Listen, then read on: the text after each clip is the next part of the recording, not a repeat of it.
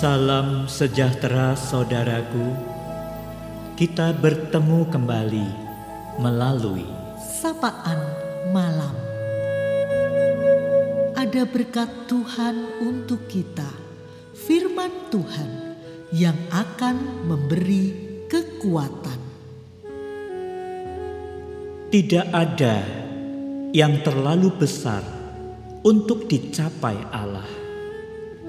Tak ada yang terlalu kecil sehingga luput dari perhatian Allah. Di teduhnya malam ini, marilah kita menyediakan hati kita untuk disapa melalui firman Tuhan. Yosua 3 ayat 5b hingga 7a. Angkatlah masing-masing sebuah batu ke atas bahumu, menurut bilangan suku orang Israel, supaya ini menjadi tanda di tengah-tengah kamu. Jika anak-anakmu bertanya di kemudian hari, "Apakah artinya batu-batu ini bagi kamu?" Maka haruslah kamu katakan kepada mereka bahwa air sungai Yordan terputus di depan tabut perjanjian Tuhan ketika tabut itu menyeberangi sungai Yordan. Air sungai Yordan itu terputus. Dalam perjuangan menaklukkan bangsa-bangsa yang kuat yang mendiami tanah Kanaan, Yosua menyampaikan bahwa Allah yang akan berperang bagi mereka. Menghendaki umat mengikuti petunjuk darinya. Umat Allah diminta untuk menempatkan tabut perjanjian di depan mereka dan melangkah maju. Salah satu halangan adalah bagaimana mereka menyeberangi sungai Yordan. Umat Israel berhasil menyeberangi sungai Yordan berkat pertolongan dan kuasa Tuhan. Melalui Yosua, Allah mengajak umat Israel untuk mengabadikan momen penyeberangan sungai Yordan. Masing-masing suku diwakili satu orang diminta untuk mengangkat batu dari tengah sungai. Sebagai tanda bahwa masing-masing suku menyaksikan atau mengalami bimbingan Tuhan saat menyeberangi sungai Yordan. Allah bahkan memerintahkan agar momen itu diceritakan ulang kepada anak-anak mereka kelak saat mereka bertanya mengenai batu-batu itu. Hari ini kita diingatkan adanya kuasa Tuhan bukan hanya berakhir di saat penyeberangan sungai Yordan. Kuasa Tuhan masih ada hingga saat ini dan dapat kita rasakan. Namun untuk dapat mengalami kuasa Tuhan, kita harus percaya dan mendengarkan Tuhan.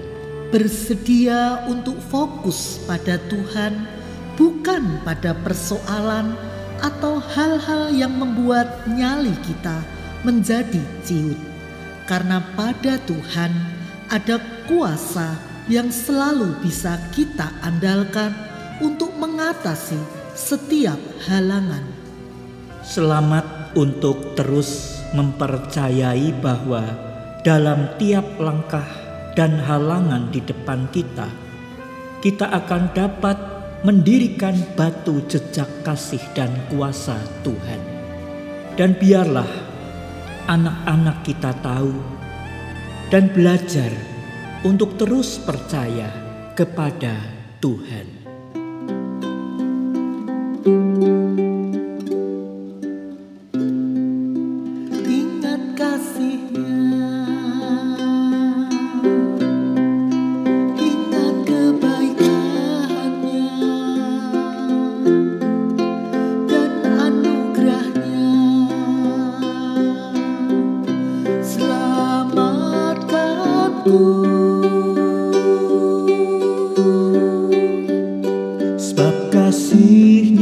setinggi langit.